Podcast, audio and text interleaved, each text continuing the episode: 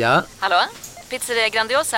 Jag vill ha en Grandiosa capriciosa och en pepperoni. Haha, något mer? Med kaffefilter. Ja, Okej, ses samma. Grandiosa, hela Sveriges hempizza. Den med mycket på. Upptäck hyllade XPeng G9 och P7 hos Bilia. Våra produktspecialister hjälper dig att hitta rätt modell för just dig. Boka din provkörning på bilia.se xpeng redan idag. Välkommen till Bilia, din specialist på XPeng. Välkommen till Unionen. Jo, jag undrar hur många semesterdagar jag har som projektanställd och vad gör jag om jag inte får något semestertillägg? Påverkar det inkomstförsäkringen? För jag har blivit varslad, till skillnad från min kollega som ofta kör härskarteknik på möten och dessutom har högre lön trots samma tjänst. Vad gör jag nu? Okej, vi tar det från början. Jobbigt på jobbet. Som medlem i Unionen kan du alltid prata med våra rådgivare. Hej allihopa och välkomna till vår podcast Kulturbarnen eh, med mig Ida Tirén. Och med mig Pontus de Wolf. Och som ni hör har vi lite mera, jag vet inte, det finns inget bra ord på svenska, men subdued ett bra ord på engelska tycker jag. Alltså lite så här nedtonad energi. Jag tror att vi båda två känner lite så här, oj. Ja, Eller- minst, minst sagt oj. Precis. Eh, för de som lyssnar i efterhand är det alltså, sen vi hörde sist så har det ju utbrutit ett krig i Europa, eller ett krig, ett, ja, vad man ska kalla det, en attack. Jag, kan inte ens, jag har inte ens orden känner jag. Eh, Invasion. Missförstå mig rätt. Ja. En invasion av Ukraina. Och det har alltså skett från, när vi lyssnade på förra avsnittet så var det innan kriget, eller kriget, men innan invasionen. Ehm, Ja, det släpptes ju samma morgon. Vilket Ja, ju var så sjukt att ställa sig till. Liksom. Ska man... Ja, man känner inte sig så peppad och bara, åh, lyssna på vår podcast. Nej. Ehm, så jag tror att det gäller de flesta som är kreativa kulturmakare eller nya. Och sådär, att man liksom, det känns så himla tondövt att ens försöka Mm. promota sina... Eller man, kan, man vill inte ens det. Man, alltså det man blir helt låst liksom, och vill bara att fokus ska ligga på att prata om det viktiga.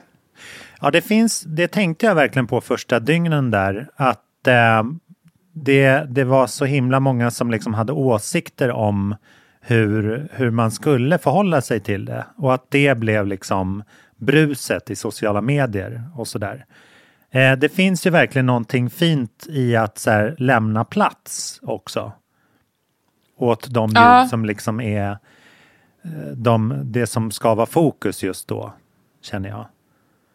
Ja, för jag, jag känner bara att jag har inget att säga. Alltså jag, jag, kan, jag är inte någon expert. Jag, jag är hellre tyst och låter andra prata som vet bättre. För jag tror inte att jag har så mycket att tillföra mer än att jag stöttar från, Mm. sidan.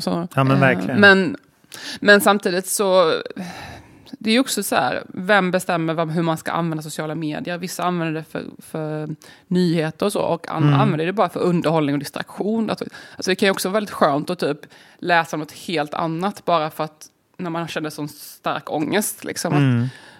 att få stöd att tänka på något. distra- Distraktion är ju också, mm, för att orka behöver man ju ibland det också. Så man inte blir Definitivt. helt förlamad av ångest. Liksom.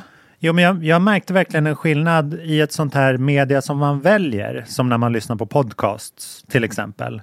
Det, det, är, ju, det är ju ett annat flöde. Alltså i, i ens feed eller sociala medier så blandas ju alla typer av uttryck. Både politiska, eh, sådana som så här, pekpinnar och de humoristiska eller kulturella.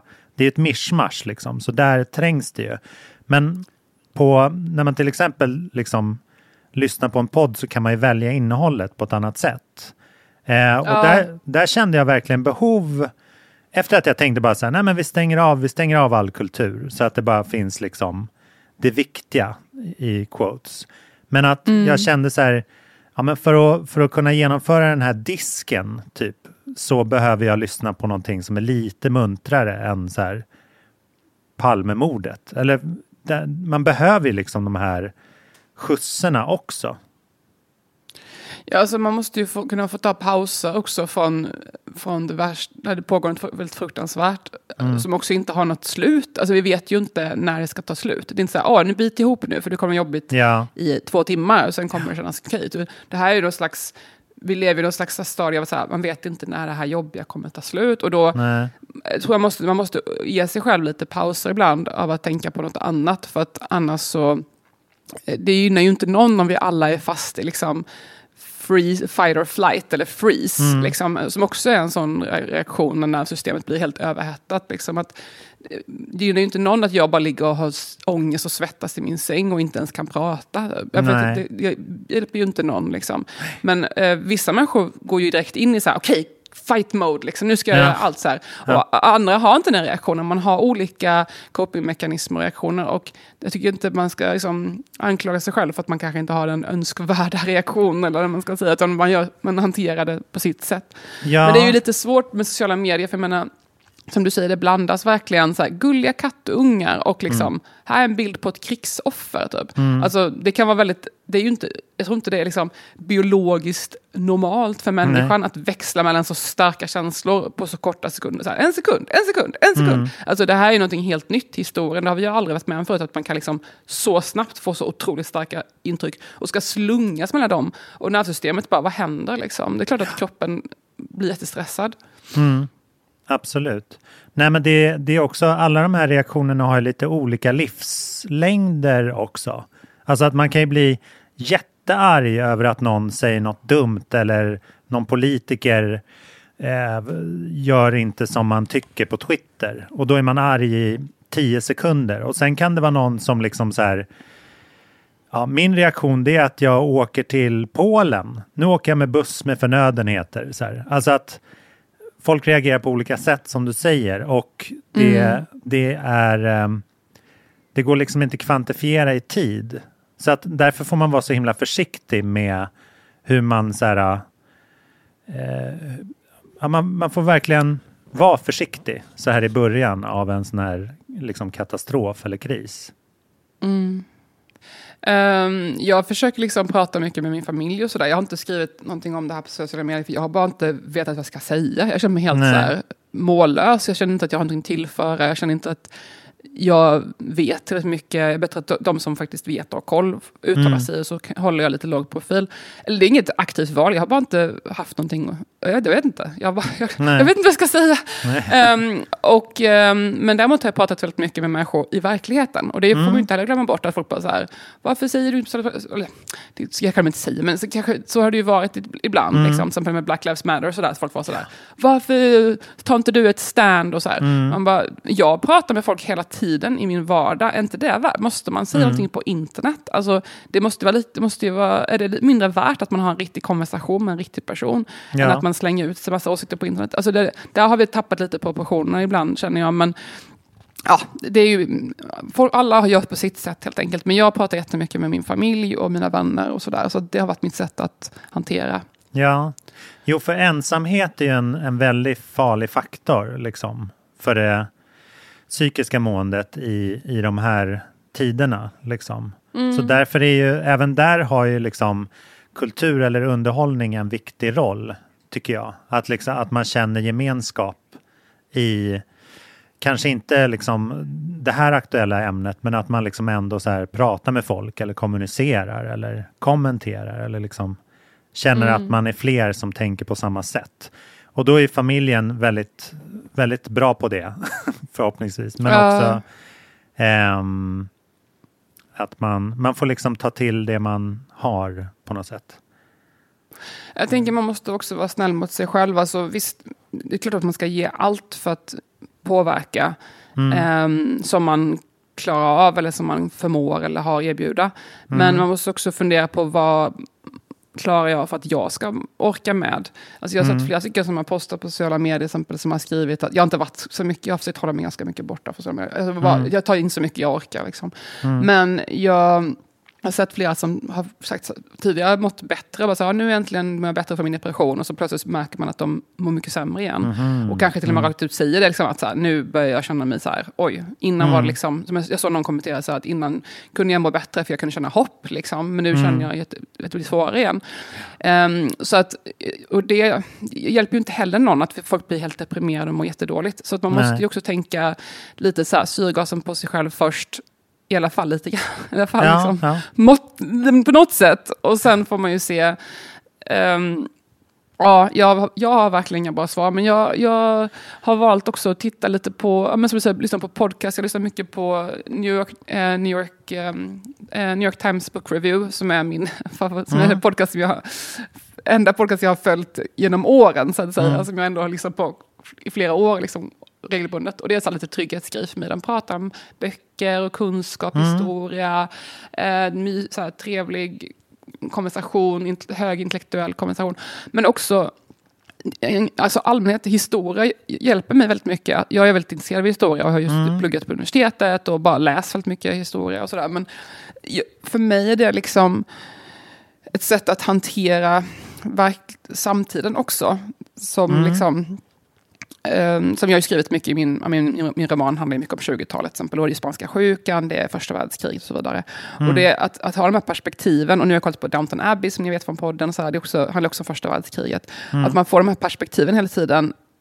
På något sätt hjälper det mig att navigera och hantera och andas genom samtiden. Att jag kan tänka att saker upprepar sig och det är ju både läskigt och på något sätt påminner det om att det finns en något Mm. större, inte större, hur ska jag säga, men det, man är liksom inte lika ensam i stunden på något sätt. Nej, nej precis. Det, här, det, är ingen, eh, det var ingen nyck att, att det här hände, liksom. Utan att det är ju konsekvenser av liksom många decenniers skeenden, till exempel. Alltså att man, man får in saker i ett sammanhang, det tror jag kan hjälpa en. Men också att man liksom hör andra prata. Det kan ju ge en kraft till att prata och tänka själv också. Att man så här, tystnad är också en, jättefarligt om man är deprimerad till exempel. Eller att man låser sig i sig själv och sådär. Så måste man på något vis i kanske mjuka och, och små proportioner ändå liksom så här visa varann att man, att man lever. typ. Även fast man liksom det här poddavsnittet kan vara jätteinaktuellt imorgon bitti. Man vet ju inte för att det är så det är så korta perspektiv liksom på allting. Och det är så svårt att prata om det här också. Jag, sitter, jag märker att jag sitter här nu och pratar och biter mig i tungan hela tiden för jag är så rädd att säga någonting fel. Liksom. Det, är ju, det är så himla känsligt och skört. Alltså, man vill inte uttrycka sig på sätt som är, verkar världsfrånvänt eller... Jag vet inte, alltså jag, jag vill bara att alla som lyssnar på det här ska veta att mitt hjärta är öppet och jag vill verkligen väl. Och jag vet inte, hur- jag har inte alla svar hur det ska ske på bästa sätt. Och det Nej, tänker jag, man måste, det är också en, en tid som är så polariserad, där folk är så snabba att hugga. Den sa det och den sa det och det är cancer hit och dit. Alltså att också tänka på, var kommer folk ifrån? Vad är deras intention? Typ?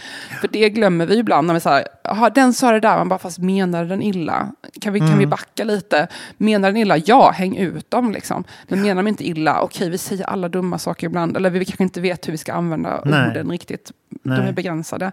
Försök lyssna istället på vad, är, vad säger deras hjärta istället för vad säger deras ord. Mm. Och där tänker jag att man får liksom lite landa i det här. Alltså jag försöker skicka ut det här kommer med kärlek och önskan om fred. Mm. Ja. Inte, ja.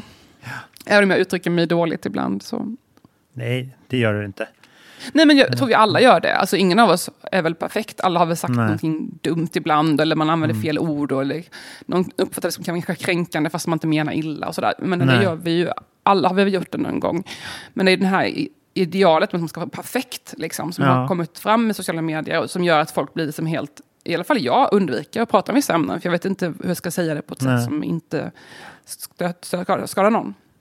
Men jag tycker ändå att liksom kulturvärlden har reagerat bra på så vis att den försöker ju verkligen liksom under, undervisa folk i till exempel de olika perspektiven och ukrainsk eh, kultur och så här, samtidshistoria.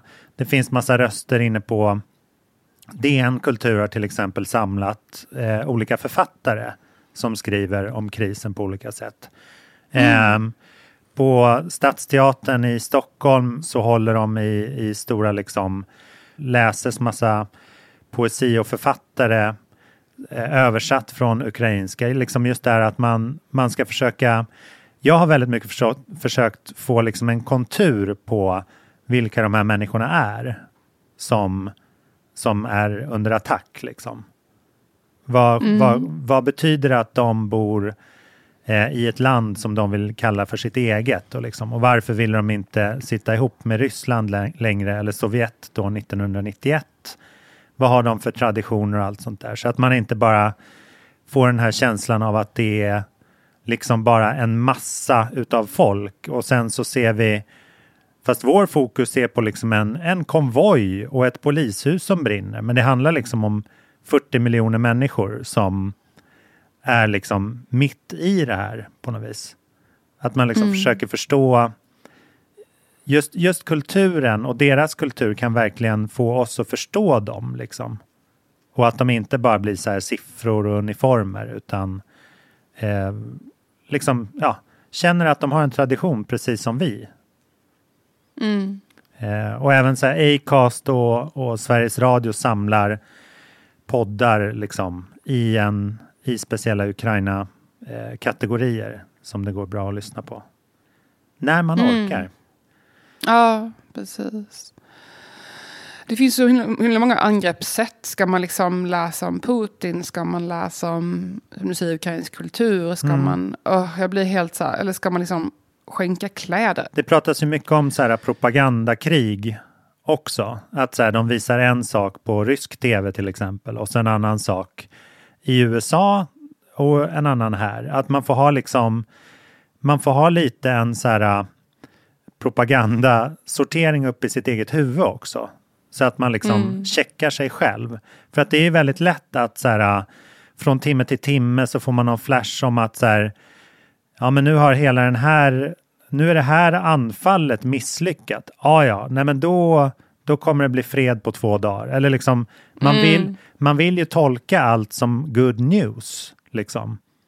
Och den är ju också väldigt farlig. Alltså att man måste ju ha det här kommer vi och framförallt eh, ukrainarna att leva med liksom, i många år. Det är egentligen en fortsättning på deras eh, frigörelse och sina revolutioner. Och, liksom, fast det här är en mycket, mycket större grad av liksom, lidande och våld. Ja, nej jag tror att jag tror också det här snabba, det här är ju första gången som, eller inte första gången, det är fel, men mm. det är en av, en av de första gångerna som det har varit en sån här omfattande grej som ändå har risk, potential att påverka i princip hela världen, i alla fall en ja. stor del av världen. Um, som inte är bara en lokal grej, utan verkligen kan dra med liksom, i princip hela världens eh, mm. stormakter i alla fall. Um, och det är ju och det är första gången det här sker inför um, öppen ridå, eller öppen, men i alla fall mm. inför en ridå, eh, i form av till exempel TikTok. Eh, och sådär. Twitter har ju spelat in tidigare, till exempel i tidigare kriser. Mm. Um, men nu har vi ju TikTok som blivit så himla stort under pandemin. Mm. När man faktiskt filmar och kan lägga upp och det sprids väldigt så här, slumpmässigt så snabbt.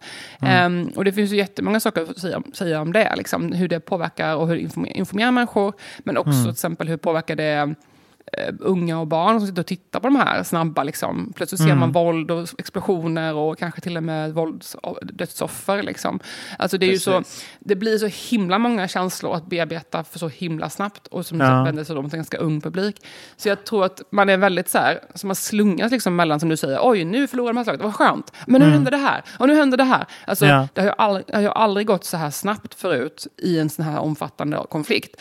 Nej, så att jag informationsflödet tror att vi, nej nej, precis. Nej. Jag tror vi alla är lite känslomässigt brän, utbrända liksom redan. Och det har bara ja. gått inte ens en vecka. Så man får, jag tror det är värt att reflektera över så här, hur ska man orka? Jag vet inte, men det är, jag, det är ändå värt att notera så här, hur otroligt snabbt det går. Och våra kroppar är inte vana med det. Våra kroppar är inte byggda efter att slungas mellan Nej. dödsångest på, på olika sätt, liksom på sekunden på det här sättet. Det, det tär på oss, så jag tror man får vara medveten om det. Ja, Nej, men vi, det, man, man får ju liksom flashbacks till för två år sedan när man... Uh. Ja, nu är det ett fall i Bromma. Eller så här, åh, det var en liftkö som var alldeles eh, för trång uppe i Sälen. Eller åh, nu är det någon som har suttit på ett plan och hostat. Alltså att det var så här, verkligen bombardemang av information hela tiden. Och här sitter vi liksom två år efter coronapandemin startade och vet att det är liksom det långa, det är ett maraton av information. Liksom. Vi vet ju fortfarande mm. inte allt som hände där. Eller liksom det är så svårt att sammanfatta saker och än mindre att, att liksom vara klok i stunden. Ja, det här med att ta så snabb, vi ska förväntas ta så snabba beslut och ha så Mm. snabba reaktioner. Liksom. Och det är ju, det finns ju, jag förstår att det inte nu, det, man kanske inte ska sitta och fundera kring det här så, men menar att man får ju acceptera att kroppen har ju sin process och kanske behöver lite tid på sig att smälta saker och ting. Ja. Även om vi tycker att vi rätt mentalt har svaren på allting så det är inte, man ska inte vara hård mot sig själv om man känner att man blir helt, det blir en, konf, en diskrepans mellan tanke och känsla. Alltså Mm. att, att man kanske tänker en sak och så känner man sig jätteförvirrad. Så Jag tror man ska minnas att det, det tar lite tid för kroppen att integrera och, och liksom acceptera och hän, ja, vänja sig vid saker. Ja. Ehm, så, ja, så man får vara lite snäll mot sig själv helt enkelt. Det är väl det jag återkommer till här. Ja, nej men man är också, det är svårt att hänga med också eftersom politikerna är ju ofantligt mycket snabbare med sina reaktioner nu än man är van vid. Alltså det finns Mm. den här liksom föreningen och, och boj, bojkotten och isoleringen av ryska medel och sånt där. Alltså det har ju gått blixtsnabbt. Utan att, det har man aldrig sett. Man har aldrig sett den snabbheten liksom och beslutsamheten tidigare. Så då är det Mm. svårt att inte ryckas med och liksom vara sån själv. Eller vad man ska säga. Man får liksom man får ta det som att så här, "Ah, ja, jag får se om fem dagar vad det här innebar som jag känner just nu. Eller liksom Mm. man, man har en, en kort och en lång syn på allting hela tiden. Ja, alltså egentligen grundläggande är det ju väl, det ska man ju inte, det ska jag ju inte, eh, vad heter det, bara för att vara, ty, bara för att vara, ty, eh, bara, Mm. bara för att vara tydlig så, jag menar, det är, väl själv, det är ju helt självklart att det här är helt fruktansvärt. Alltså Ja. att, att eh, Ryssland invaderar Ukraina. Det är Mm. ju inget snack om saken, det är ingenting jag behöver fundera på i fem dagar. Men Nej. att, min, min, att min, mitt nervsystem har svårt att copa med det här lika Mm. snabbt som tanken. Det är väl lite Ja, det ja. jag vill Ja. förtydliga bara. Att det är där tror jag problemet ligger. Inte så att jag inte vet vad som är rätt eller fel, utan bara så här. Eller just den här grundläggande frågan vet jag vad som är rätt eller fel. Sen hur man ska Mm. hantera det, det vet jag inte. Men, men att man också inser att kroppen har sina... Kroppen är byggd för stenålderns tempo. Liksom. Mm. Vi är ju, evolution, om man nu tror på evolutionen, så är vi ju ganska lik stenåldersmänniskan. Så det är klart att vi inte är vana vid så här extrema händelser. Det, det, det som hände kanske på stenåldern var kanske att man hade blev jagad av en buffalo liksom, och det var Mm. stressigt som fan. Och så Ja. då fick man ge pulsen och man hade liksom, det var jättestressigt. Och, eller kanske man hade en strid med någon liksom, annan klan eller sådär. Och Mm. det pågick kanske en period. Men det var ju inte så här liksom, konstant 30 miljoner gånger om dagen i flera år. Nej. Alltså den, den eh, berg- känslomässiga berg och som vi redan har varit med om. Precis har varit med om den här långa pandemin och allt det var det all Ja. stressen innebar. Och vissa som bär på, liksom, det finns ju vissa som också bär på posttraumatisk stress, antingen från tidigare krig eller från andra upplevelser. Ja. Man har redan massa, massa att copa med. Och så kommer det här. Liksom. Ja. Det är inte konstigt att man känner sig kortsluten. Att det Nej. blir som... Kroppen inte... Hej, Synoptik här. Visste du att solens UV-strålar kan vara skadliga och åldra dina ögon i förtid? Kom in till oss så hjälper vi dig att hitta rätt solglasögon som skyddar dina ögon. Välkommen till Synoptik. Nu ska du få höra från butikscheferna i våra 200 varuhus i Norden. Samtidigt. Hej! Tack. Jo, för att med så många varuhus kan vi köpa kvalitetsvaror i jättevolymer. Det blir billigare så. Byggmax. Var smart. Handla billigt.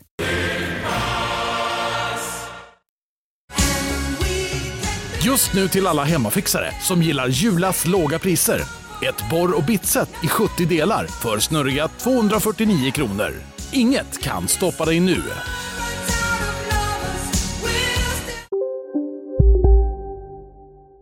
är byggd för de här snabba förändringarna. Så att, Nej. ja, det kan vara bra att tänka på det, tänker jag. Ja, och där finns ju, alltså där gäller det ju att man, för jag kan känna lite så här hopplöshet så här, jaha, har jag en femårig son här nu? Det var ju typiskt.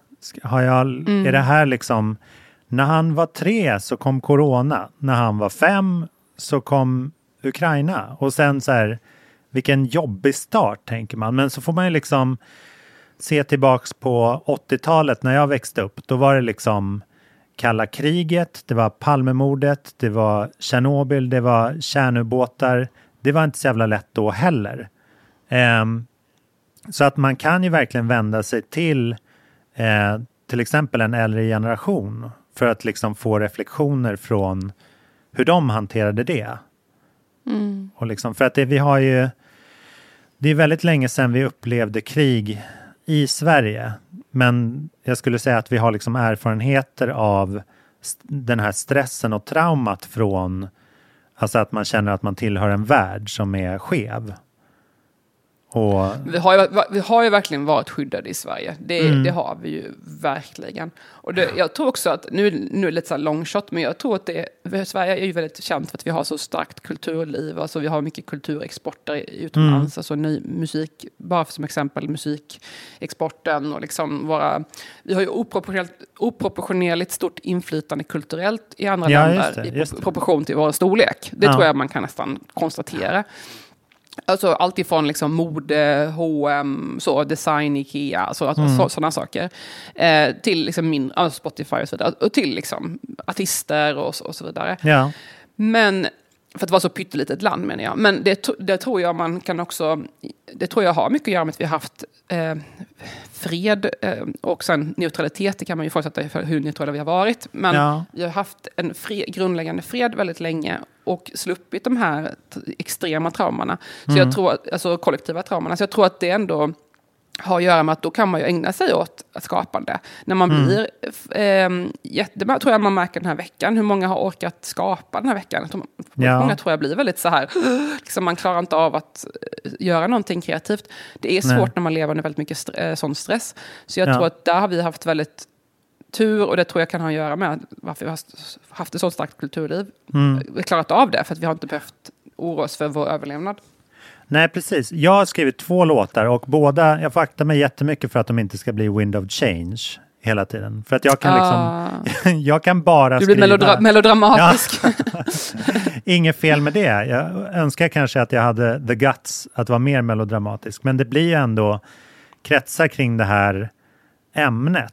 Och även som jag, jag, jag var helt, helt kreativt blank hela pandemin och sen så började jag skriva låtar i januari nu som har så här bearbetat det och så här bearbeta självförtroende och att ta sig ur kriser och sådär. På, bild, på, på eh, metaforiska sätt, men ändå. Liksom.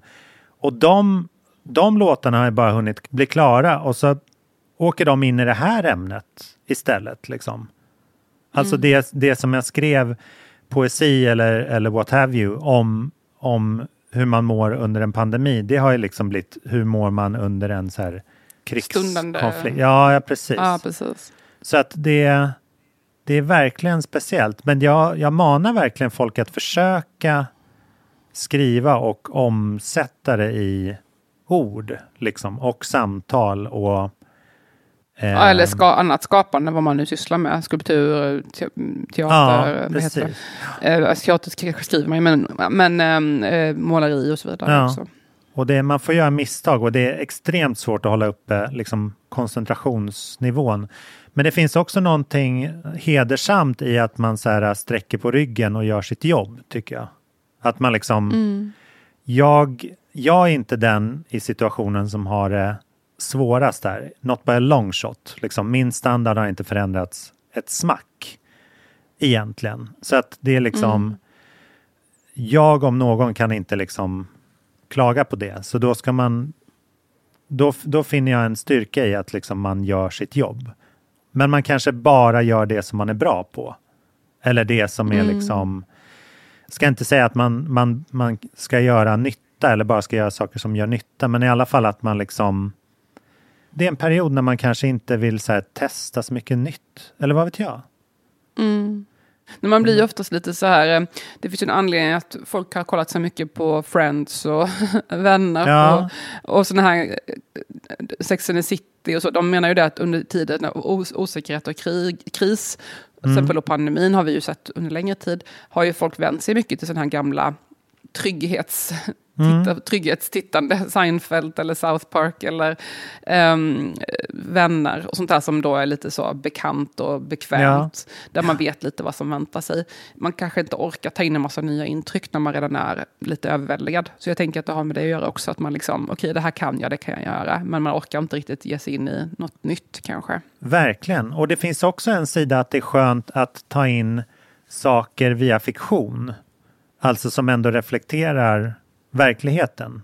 Det, det känner jag exempel på. Alltså att man, man, man kanske inte orkar läsa tidningen perm till perm och historia sådär, men man, man kanske liksom tar in, tar in saker på andra sätt. Som liksom liknar det som sker i verkligheten. Mm.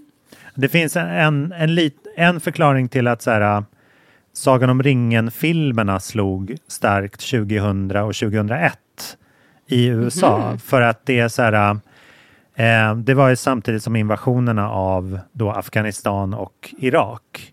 Eh, då att, och 9-11. Ja. Precis, att många, många amerikanska familjer släppte iväg sina liksom, unga söner på så här ensamma eh, ut i liksom okänt land. Och det, jag säger inte att det är liksom jag lägger ingen värdering i det, men det är liksom dokumenterat en anledning varför de filmerna blev så stora där.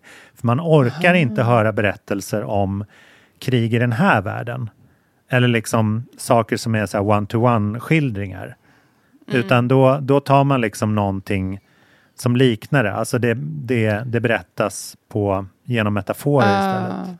Det är ju precis så som barn gör för att bearbeta jobbiga saker. De leker. Till exempel ja. min dotter älskar att leka med sina gosedjur. Till exempel. Då, då är det så här, okej, okay, något jobbigt har hänt. Då, precis. oj, då det här gosedjuret har förlorat sin kompis. Eller, ja. Och så leker de leken. Och så, eller så skriver hon berättelser också, min dotter, väldigt mycket. Så här. Och då är det ofta väldigt mycket saker som jag känner igen från hennes liv. Som hon bearbetar i sin mm. berättelse.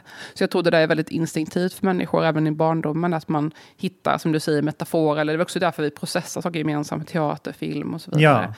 Ja. Um, romcoms, alla kan relatera till en romcom för alla har varit kära. Liksom. Ja. Eller de flesta har väl varit kära. Um, så grundläggande teman. Mm. Och hela så här, Tolkiens verk är ju liksom hans erfarenheter ur skyttegravarna i första världskriget. Fast liksom ah ombearbetat då till en så här mytol mytologisk saga. Aha, så det, det, har jag, det har inte jag fattat. Okej, vad intressant. Ja, mm. det finns många, många paralleller där. Eh, mm. Det är bekant när du säger det, men jag har inte... Ja, vad intressant, jag ska tänka på det. Mm, mm. Eh, jag har också läst en bok som är helt ny. Jag kanske kan prata lite om den. Ja, att, eh, gärna. Få lite distrak apropå distraktioner då. från det här.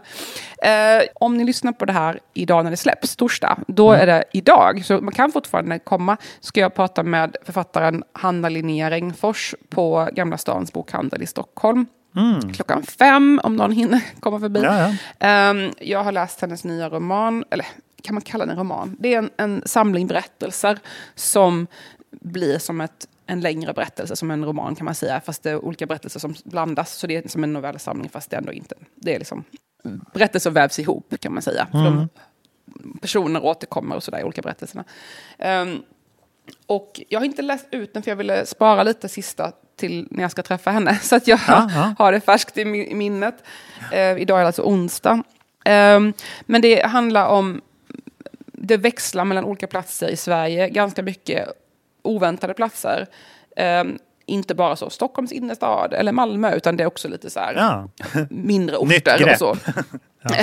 Nej, det blandas mellan mindre orter och eh, Skokloster är en plats exempel, som återkommer och sådär. Eh, och det är olika berättelser. Och ganska många berättelser har lite queer, det är en hel del många paren är homosexuella. Alltså det är två, det är tonårsflickor som är kära och det är några killar som är kära och sådär. Men, mm. Och sen är det vissa polyrelationer, eller mer eller mindre uttalat otrohet också. Mm. Um, alltså inte planerad poly. Ja. Um, och, uh, så det är liksom lite så här, många relationer är inte liksom kärnfamilj hetero. Och de som är det har ofta lite en, mörk sida av hemligheter som ah. de bär på. Ja. Um, och så det är ett återkommande tema, men det är mycket så här drömmar, planer och så mycket kanske misslyckanden. Många upplever att de inte har lyckats i livet som de har tänkt sig. Mm. Och det är lite svårt att förklara vad den här boken handlar om, för den, det har, den har väldigt mycket en känsla. Alltså jag gillar väldigt mycket böcker som har en egen känsla. Så man går in i den så känner man bara oj, nu går jag in i det här moodet eller det här Ja. soundet. Ehm, och det har den här verkligen en egen, en egen känsla. Um, Hanna Linnea Ringfors, hon är, från Skokloster, hon är född 81. Eh, hon debuterade 2020 och då hade hon både en diktsamling och en eh, roman. Mm. Samma år som släpptes, så det var väldigt imponerande. Jag tänkte jag kanske kan läsa någon sida bara för att man får lite känsla... Ska se lite, bara så man får lite känsla av moodet så att säga. Ja, gärna. Ehm, mycket i boken handlar liksom om relationer och ganska mörka teman. Det finns en hel del scener som jag var nästan tvungen att hoppa över för det var så brutalt. Mm. Eh, till exempel finns det en scen när någon ska hämnas på någon genom att lägga något annat i deras linskopp. Eh, jag ska inte säga vad. jag tyckte det var så fruktansvärt så jag bara, jag kan inte läsa det. Så det finns liksom, det, hon går ganska det är smuts och det är kärlek och känslor. Det, är liksom, det finns ganska mörka grejer i den här boken också. Så gillar Mm. man det så kommer man verkligen gå igång på den här. Men det finns en intressant konversation, tycker jag, mellan... Mycket handlar om så här, lite lost människor som också klass. Liksom, så här, vad har, om man inte är ett kulturbarn då, för att knyta Ja. till temat på podden. Ehm, hur man förhåller sig till... Det finns en person exempel som går en författarskola och hon blir liksom eh, lite hangaround till de som är mer framgångsrika i författarskolan. Mm. Och sen ska fram, fram, framgår det att den har snott hennes material, den här personen som är mer framgångsrik. Då.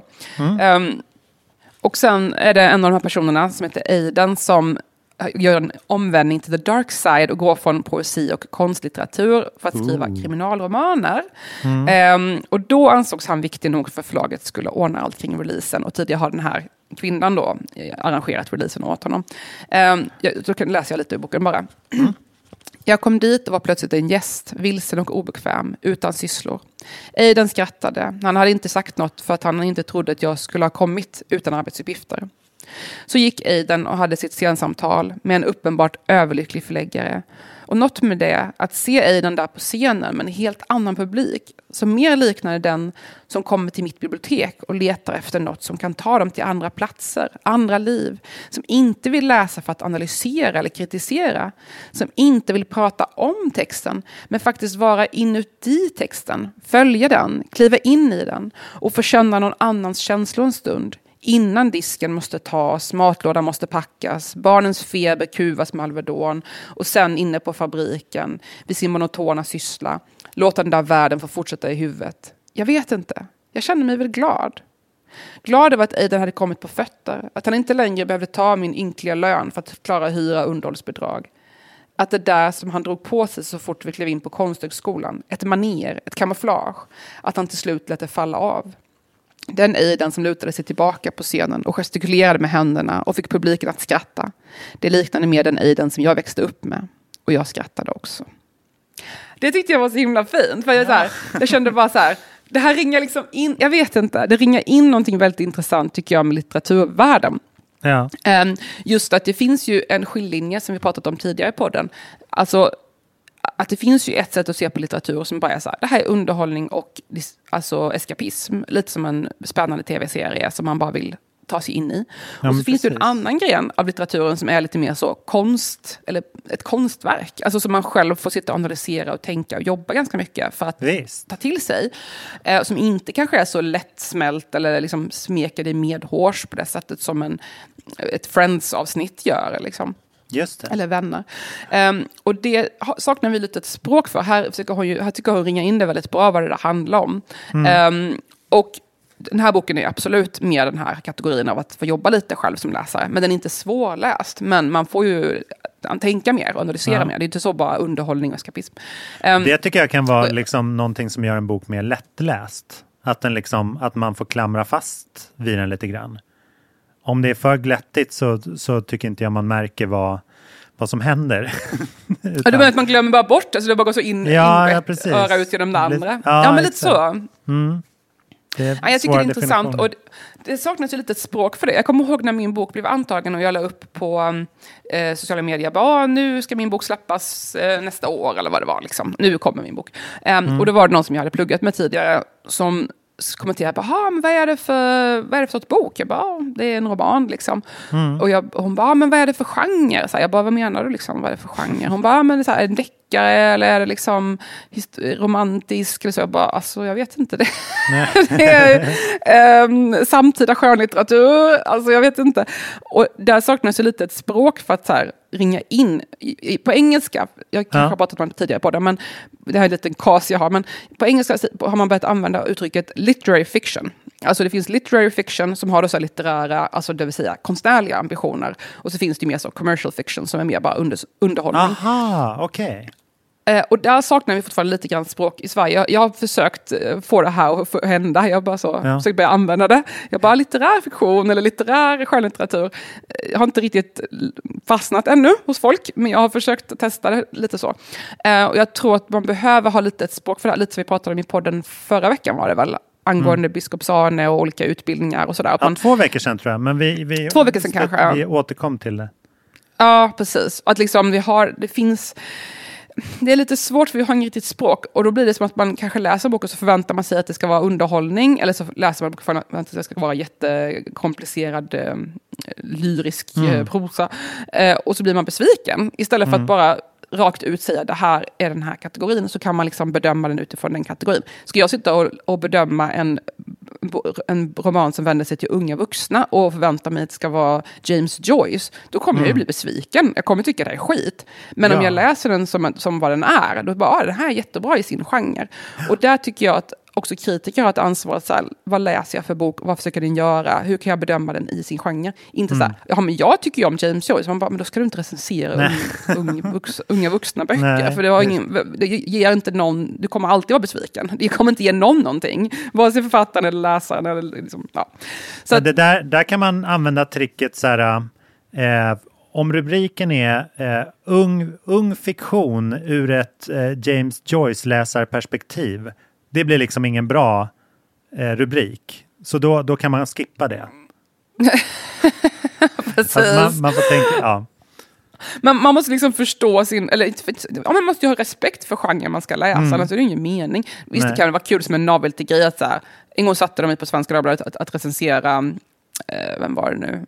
Um, var det inte Mankel, utan, Han har krim liksom. ja precis. Mm. De satte mig på att recensera GO. Det tror jag var lite så här, haha, det här kommer bli kul att Ida läser GO. Mm. Liksom för att jag är inte målgruppen. Och, eh, alltså jag respekterar vad han gör, han gör sin grej. Men det är ju inte Mm. någonting jag tycker om att läsa. Så det är svårt för mig att recensera det, för jag, det är ju bara inte någonting jag gillar, alltså generellt. Det är Ehm, jättesvårt. och då blir det ju så här, ja, jag kan efter känna så här, jag kan vara lite dumt att jag skrev den här texten, för det var ju onödigt att, att, vara, liksom, att vara negativ i onödan. För det, Ja. det är ju bara inte jag som är målgruppen. Bättre att någon Vilken, läser den vilken som läsare är det till för? Liksom? Ja, såklart kan man sitta Mm. här och raljera. Jag kan ju sitta här och raljera över en så här kommersiell deckare. Bara, "Åh, det här är bara förutsägbara metaforer. Mm. öh." Men alltså, vad tillför det de som vill läsa den boken? Det är ju... Det blir så översittarstil. alltså, jag vet inte. Alltså, det, jag tror att vi behöver tydligare definitioner av det där. Jag tycker att hon Mm. ringer in det väldigt bra i den här meningen jag läste upp. Och överhuvudtaget vill jag rekommendera boken. Jag tycker den är superbra. Och eh, man får ge den lite, det tar lite tid att komma in i det, för det är mycket olika personer hålla koll på. Men, man, men, men den är väldigt värd, värd det. den. Läs den tycker jag. Den Ja. heter alltså Tillsammans i mörker av Hanna Linnea Ringfors. Och så kan man komma till ert samtal då? Ikväll, Och så kan man om man hinner. Ja. Ja, precis. Och sen passar jag på också att säga att jag, nu är det ju lite kvar, men snart är det dags för Umeås litteraturfestival, alltså Littfest. Det är ju den Ja. helgen den 18 mars och jag ska ju dit och prata både inför publik och inför deras projekt som heter eh, Littfest TV. Där ska jag prata om kulturarbetarlivet. Och det var också, de vill, vi kommer referera lite till podden, för de sa lite så här, "Ah, kan vi inte prata lite om det du pratar i podden, att ja, leva och arbeta som kulturarbetare. Så jag kommer prata om det med Agnes, eh, Agnes, Anders Teglund, som har skrivit den här boken om cykelbud, som kom nyligen också. Just härligt. Så att eh, det kan ju, om man, om man missar det här samtalet så kan man ju komma på någon av de samtalen om man vill träffa mig live. Ja. eller, eller undvik det. Om man inte vill träffa mig live så kan man undvika de här platserna. Ja. Mm. Men Littfest TV är på... Precis, håll dig borta lördag den 18. Um, men Littfest TV är ju på nätet så den kan man köpa. Jag tror det kostar upp så här 100 kronor för en biljett och så kan man se alla deras inslag. Mm. eh, vad som helst digitalt. Strålande. Ja, men eh, ska vi runda av där? Mm. Vi gör ett lite, lite kortare avsnitt idag, men det gör vi för att man ska kunna ta det lite lugnt. Precis. Ehm, vi hörs nästa vecka, Ja, antagligen. det gör vi. Så får Mm. vi se var världen befinner sig då. Det är det man kan Mm. göra. Ta hand om dig så länge. Ja, och stor kram till alla som lyssnar. Jag hoppas att ni hittar sätt att hantera den här väldigt obehagliga situationen och kan göra någonting, hjälpa andra Mm. och hjälpa er själva på bästa sätt. Som är bäst för er helt enkelt. Mm. Bra. Må väl. Vad bra. Mm. Hej då! Hej då!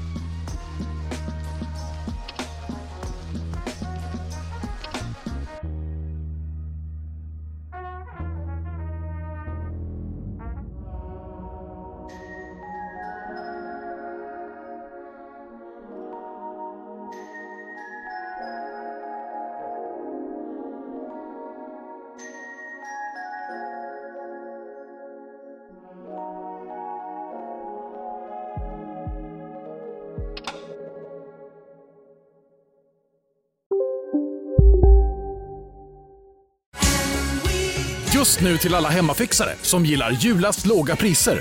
En slangvinda från Gardena på 20 meter för vattentäta 499 kronor. Inget kan stoppa dig nu. Dåliga vibrationer är att skära av sig tummen i köket. Ja! Bra vibrationer är att du har en tumme till och kan scrolla vidare. Alla abonnemang för 20 kronor i månaden i fyra månader. Vimla! Mobiloperatören med bra vibrationer. Kolla menyn. Vadå? Kan det stämma? 12 köttbullar med mos för 32 spänn. Otroligt! Då får det bli efterrätt också. Lätt! Onsdagar är happy days på IKEA. Fram till 31 maj äter du som är eller blir IKEA Family-medlem alla varmrätter till halva priset. Vi ses i restaurangen på IKEA.